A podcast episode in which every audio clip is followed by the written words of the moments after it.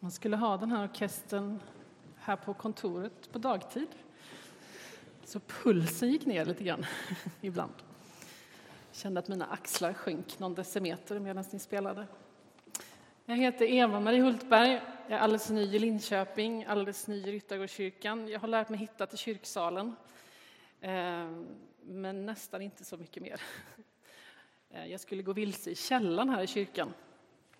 Så är du nyare än jag, så ta inte rygg på mig om du behöver ner i källaren. Jag har kommit hit med min familj, är jätteglad för att vara här. Eh, har inte hunnit hälsa på alla, så var gärna frimodig och hugg mig på kyrkkaffet. Eh, säg ditt för och efternamn så hinner jag tänka några hundradels sekunder längre och liksom, det fäster lite bättre. Men jag heter Eva-Marie, kallas ofta för E och det får man gärna säga. När jag en gång i tiden gick på en, en så lite kortare bibelskola så eh, skulle man ut i grupper och besöka kyrkor och andra instanser eh, för att liksom medverka i gudstjänster och ja, tränas, tror jag, men också komma igenom någonting. Eh, vid ett tillfälle så kom vi till ett ställe där vi skulle hålla en kvällsgudstjänst. Och det förväntades på den här liksom platsen, för det var en sån verksamhet där, att de flesta som skulle komma Eh, hade inte en personlig tro på Jesus och dessutom eh, kämpade med olika slags missbruk. Och vi var mellan, de flesta var kanske 20, jag var 24. Många kom liksom i väldigt trygga miljöer, i kyrkmiljöer. Och en tjej i min grupp hon ställde en fråga som nog tickade hos oss allihopa. Vad i all världen har vi att ge till de här människorna? Vi har inte mycket livserfarenhet, vi har inte gjort mycket irrfärder, vi, liksom, vi har suttit i kyrkan, vi är trygga liksom, ungdomar. Eh, vilken berättelse skulle vi kunna ge som, som gav de här människorna någonting? Och då fick vi svar från en ledare där. Ni har ju den starkaste berättelsen. Om det är så att man har vuxit upp i kyrkan, man har fötts in i en församling och aldrig hittat en anledning att lämna det är den starkaste berättelsen. Att din tro betyder så mycket.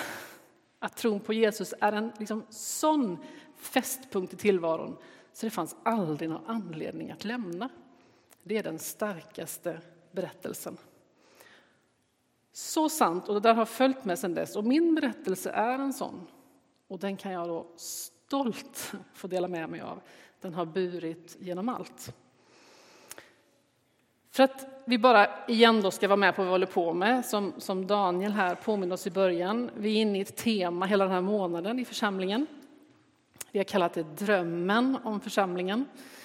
Eh, och jag vill göra en kort recap så att vi liksom har lite samma bild.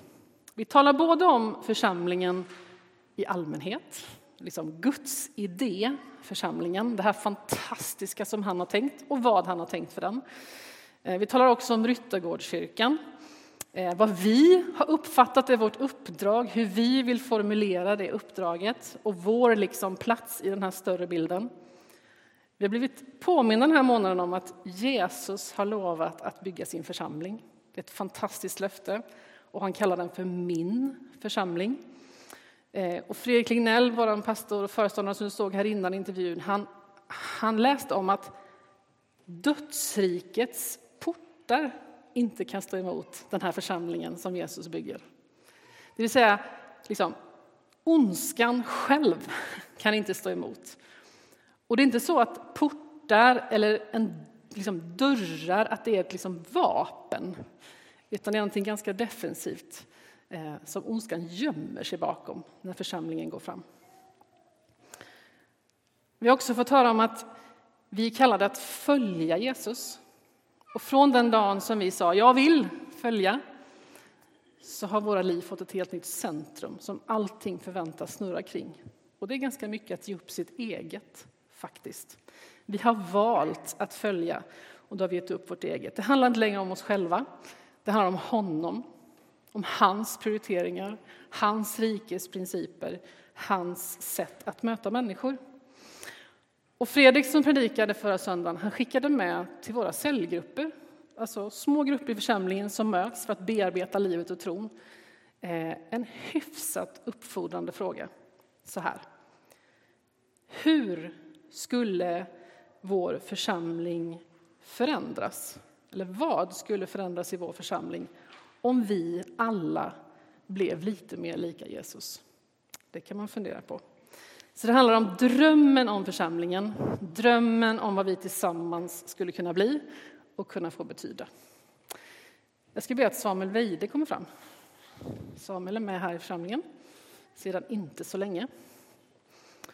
Honom ska ni gärna prata med och fika med och sånt. En mycket klok människa. Ja. Mycket bestämd människa. Ja, det också Sätter kanske. jag massa epitet på dig efter en timmes samtal. Det är tjusigt. Eh, han sa ett par väldigt bra grejer i det samtalet, så det här är lite så förbeställt. Vi pratade ju om bland annat hur det kom sig att du och din fru Johanna landade in här egentligen. Hur, hur, liksom, hur väljer man en församling? Är det drömförsamlingen man letar efter? Ja, precis. Det, vi flyttade hit för två år sedan, jag och min fru, ifrån eh, Finspång. Och det finns en till som kommer därifrån. Eh, vi tänkte då att vilken chans att få hitta en församling som vi verkligen tycker om. Eh, jag hade jobbat i en församling i Finspång och den var mig given så att säga. Och så har jag växt upp i en kyrka i Västerås och den var ju mamma och pappas församling lite grann. Nu var första gången som vi fick chans att komma till en ny stad, börja på noll och hitta någonting eget. Liksom. Så vi eh, tänkte att vi skulle testa. Och det är väl kanske lite klassiskt för oss som är födda och uppväxta på 90-talet. Att vi bara vi, vi flyter runt lite och tror att vi ska hitta det bästa. Men att vi kanske, i alla fall jag har lärt mig att man får vara med och skapa det bästa istället. Jag tror att det är mer, funkar så. Någonting fick er ändå att gå här på mer än en gudstjänst och Mm. till och med engagera er. Vad var det som liksom... Precis. Vi, vi var faktiskt runt och, på gudstjänst i några olika församlingar här i stan. Eh, men när vi kom hit så var det väldigt svårt att gå härifrån utan att känna att jag måste nog göra någonting med det som jag har hört idag. Det kommer behöva göras någonting i veckan som kommer eh, i mitt liv. Eh, det, vi upplevde att det var väldigt så här, rak och utmanande undervisning. Och vi, vi kände att den här församlingen vill någonstans. De är på väg åt något håll. Och man tar steg däråt. Man står inte still och vi tyckte att det var en otroligt attraktiv egenskap hos en kristen gemenskap. Därför hamnade vi här. Därför, det, det vägde så tungt så att vi bestämde oss för att det här är en församling som vi också vill vara med och gå tillsammans med. Så berättade du också för mig att ni fick ett, som jag tyckte då, väldigt gott råd när man ska välja församling. Hur Ja. löd det rådet? Det rådet fick vi av en man som var med i en församling, en annan församling i Linköping, alltså inte den vi valde. Han sa så här att du ska gå med i en församling som du själv kan ta med någon annan till. Tål att upprepas. Du kan säga det en gång Vi, till. vi, vi som är med här, vi, vi bör vara med i en församling dit vi kan ta med någon annan till den gemenskap som är så attraktiv så att vi tycker att det är värt att ta med fler, att bjuda in andra till. Och det finns såklart många skavanker och så alltid i en stor gemenskap. Men som helhet så uppfattar Johanna och jag den här församlingen som en gemenskap där vi kan ta med andra till. Och det tror jag är en jätte, jätteviktig ingång när man eh, är med i en församling. Så. Mm. Tack Samuel. Han kan få en applåd. Och som sagt, prata gärna med Samuel. Han är, han är bra att prata med. Du behöver vara med i en församling där du kan bjuda med dig fler. Varför då? Jo, därför att själva grundtanken är att vi ska bli allt fler. Och det är rubriken idag. Allt fler. Och det är hämtat ur vår visionsbeskrivning som du fick höra i början. Vi vill vara en öppen och generös gemenskap där allt fler möter, följer och formas av Jesus. Församlingen lever med ett uppdrag att vända sig utåt till den här världen och berätta de goda nyheterna om Jesus. Att hjälpa allt fler att förstå vem Jesus är och att hitta hem till honom. Vi ser inte jättemånga komma till tro i Sverige. Det finns ljuspunkter, särskilt i våra storstäder. Men liksom generellt sett eh, så är liksom mängden människor som inte har mött och som inte följer och formas av Jesus gigantiskt stort. Vi blir så uppmuntrade av en sån här berättelse som Filip berättar. Men eller hur vill vi höra många, många fler sådana? Och till de här mängderna av människor är vi sända. Drömmen om församlingen är inte bara liksom en dröm om drömförsamlingen, utan det är en dröm om allt fler. Och jag talar extremt mycket till mig själv. Jag har inte mycket att berömma mig av. Eh, och jag tänker att jag är ganska liksom vanlig, ganska normal. Så jag hoppas att när jag våndas över mitt eget liv idag så kan du också känna igen dig, åtminstone i någon del. Jag märker två, liksom, jag tycker inte om att säga ordet problem, men nu gör jag det i alla fall. Då. Jag märker två grundproblem, för det är faktiskt problem hos mig. Eh, två liksom, eh, tankesätt eller liksom stråk så här, i min hjärna som blir till, till vurpor hos mig. Eller det får mig att liksom missa fokus. Det fokuset som var så tydligt hos Jesus, att han längtar efter och han söker upp och han älskar alla människor. Den ena sidan är att jag inte alltid i mötet med andra människor verkar på riktigt fatta vad det är jag har fått. Vad jag har fått av Jesus själv. Att jag inte lika lätt som här inne idag på gudstjänst kan liksom imorgon någon helt annanstans ha den här fantastiska bekännelsen, den liksom storordiga berättelsen om vad han är i mitt liv. Och jag hamnar nog, tror jag, allt för ofta har jag verkligen någonting som är lika fantastiska nyheter för min granne som för mig, som jag menar att det är för mig. Och som i den här berättelsen jag inledde med, har jag liksom verkligen en, en tillräckligt spännande och, och liksom, mm, livsförvandlande berättelse som den som precis kanske har kommit till tro? Har jag någonting som är så goda nyheter för min granne som jag tycker att det är för mig?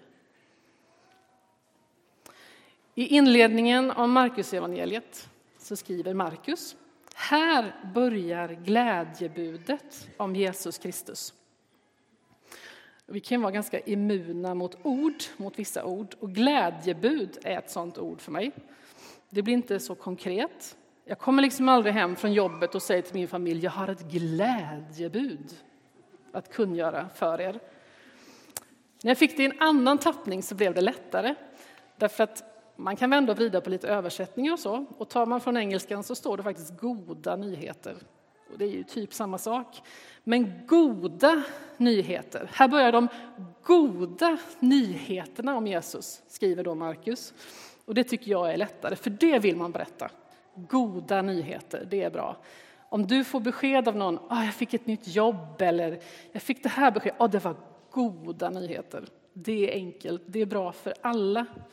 Och berättelsen om Jesus är alltså goda nyheter. Det vill jag ta in. Det vill jag vara bärare av. Jag vill inse det liksom.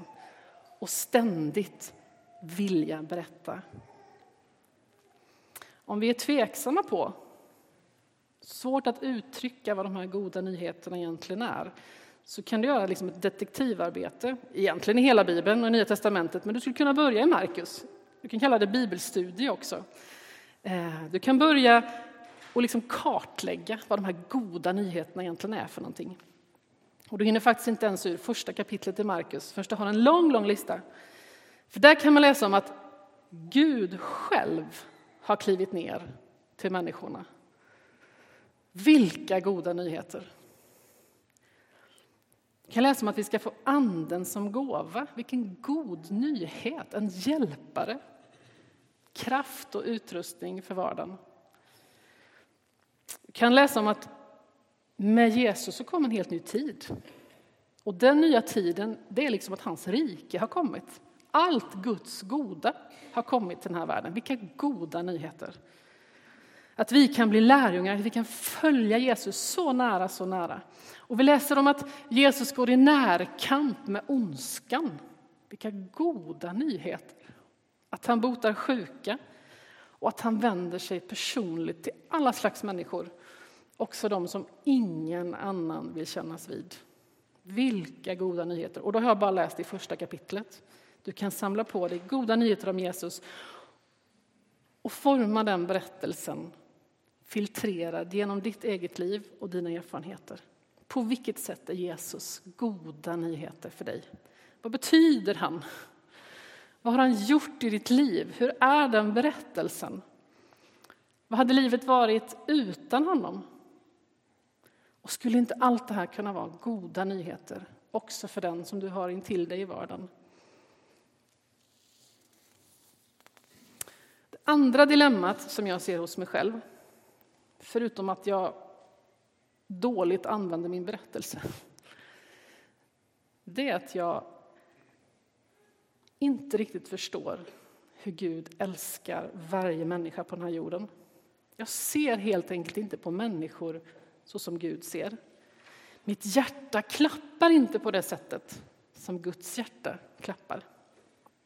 Jag ska läsa en liten text från Lukas kapitel 15, vers 4-7.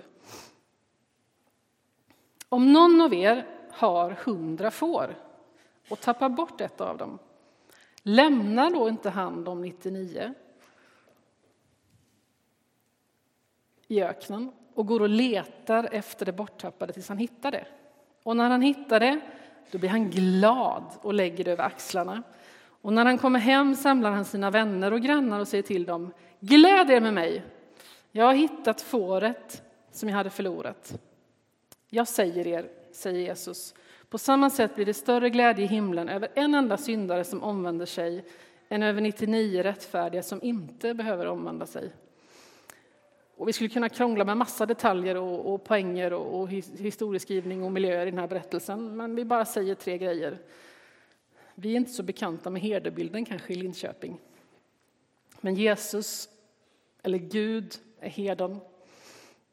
De 99 som har hittat hem är de som har hittat hem till honom. Och den som är vilse har inte hittat hem till honom. Okay? Vi gör det så enkelt.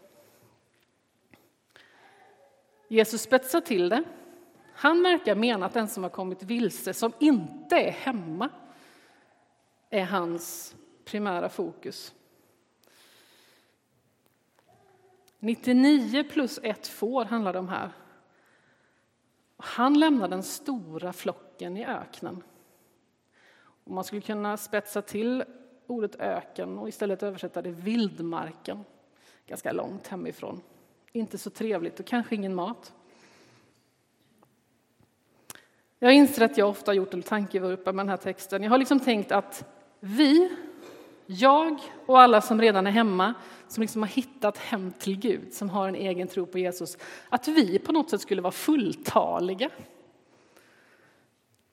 Det där fåret som är vilse, att det på något sätt skulle vara någon som liksom inte hör till det som Gud har tänkt på något sätt. Så det är som att jag läser berättelsen så här. Det var en man som hade hundra får och allt var frid och fröjd, men för nöjes skull så tyckte herden att det verkade roligt att gå ut och leta efter fler. Det är visserligen ganska fulltaligt, men okej, låt oss bli några till. Och det låter ju lite slarvigt. Att liksom lämna flocken vind för våg för något nytt och spännande. Jesus, är du slarvig med oss? Skulle vi inte vårda oss som gemenskap och bygga Kristi kropp, vara noggranna? Är inte du liksom allas vår gode herde? Skrev inte kung David i Saltaren i Gamla testamentet Herren är min herde? Och har inte vi tröstat oss med det i tusentals år? Jo, så är det ju. Liknelsen berättar ju att herden är de hundra fårens herde. Liknelsen berättar om en herde, om en Gud som vill ha alla människor hos sig. Det enda fåret som har gått vilse är också hans flock. Han överger inte sin flock när han letar efter det hundrade. Han tar hand om sin flock. Alltså vi alla, om jag får prata om oss som liksom har hittat hem. Som har en personlig tro, som känner Jesus. Vi är inte de enda han älskar. Och jag tänker att för honom är det olidligt, om man ska tro den här liknelsen, att vänta och längta efter dem som ännu inte hittat hem. Och han söker efter dem med ljus och lykta. Du och jag som har hittat hem, vi kan vara liksom eh, i vår personliga tro på Jesus, hundraprocentigt trygga i hans kärlek. Vi kan vara så otroligt trygga att det stämmer, att så älskade Gud oss. Att han gav oss sin enfödde son. Att han gav sitt eget liv för att jag och du skulle få frid med Gud och att han är din alldeles egna herde. Men han älskar inte bara de 99. För honom fattas någonting och han ger sig iväg kärleksfullt letande efter det hundrade. Han säger inte sluta ta hand om varandra, bryr inte om att hjälpa varandra. Han säger inte att de 99 inte är viktiga. Men han säger alla är inte hemma än. Några har gått vilse. Hur skulle jag kunna göra annat än ge mig ut och leta? Vi får vänta lite med kvällsmaten. Vi får stanna en stund i vildmarken, för alla måste med hem. Mitt hjärta, tror jag Gud säger, går sönder när alla mina barn inte hittat hem till mig. För det är mina älskade det handlar om.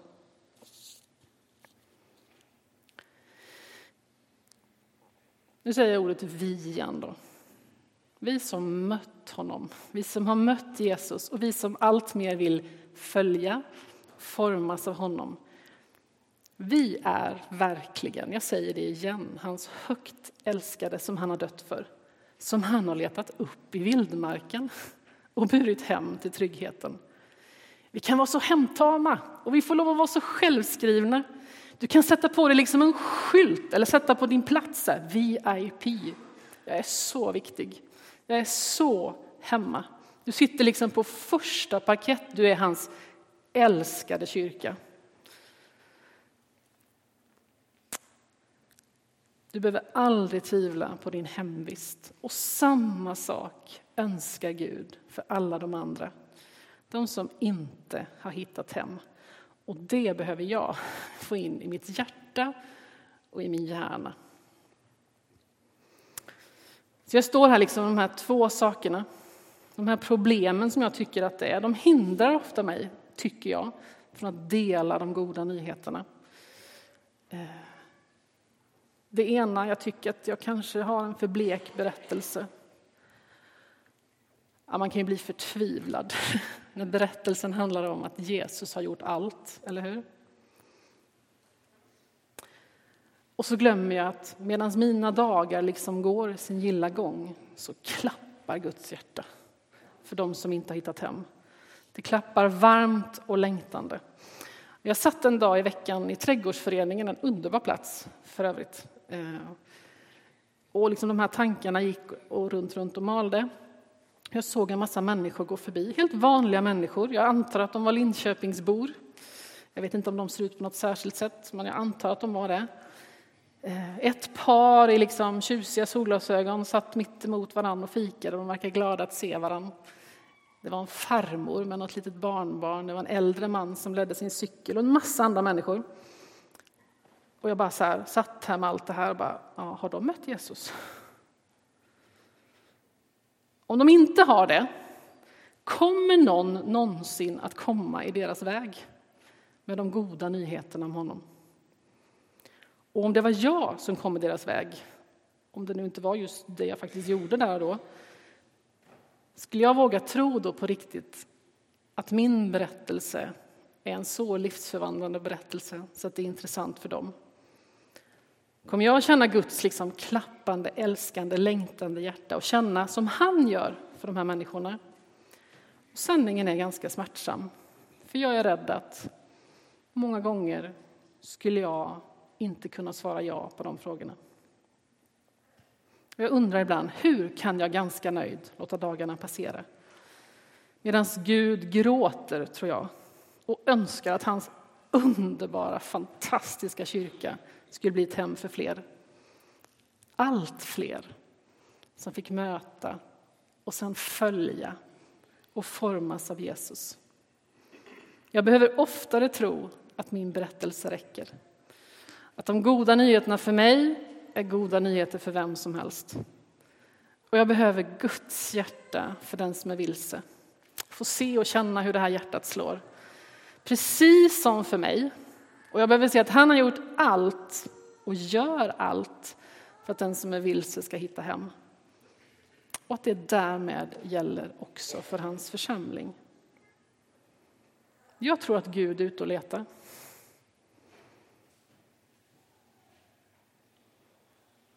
Tror på riktigt att Gud är ute och letar. Frågan är bara om vi vill vara där han är. Ska vi be?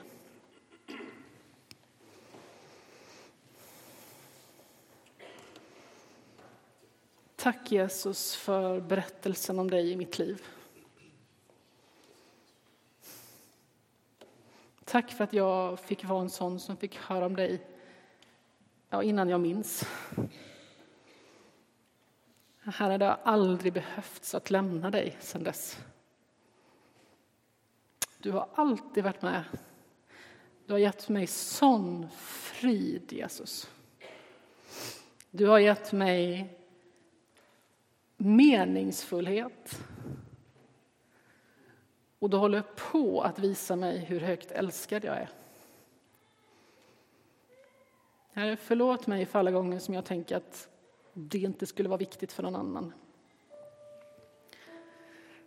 Herre, hjälp mig och hjälp andra som känner igen sig. Att liksom resa på sig och bara bära den här berättelsen om dig i våra liv, om ditt goda i våra liv, om ditt rike i våra liv, om din frälsning i våra liv, om din andes kraft i våra liv, om din glädje i våra liv.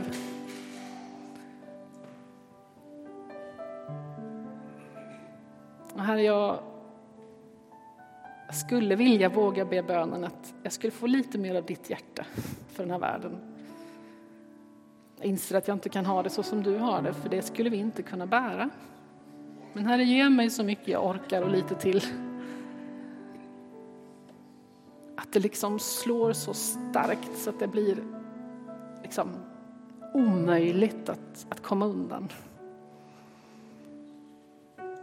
Påminn oss, påminn mig om att vi finns för den här världens skull. Inte därför att du inte skulle bry dig om oss, men därför att du har brytt dig om oss och alla andra. Herre, hjälp oss att se den här flocken som du ser den.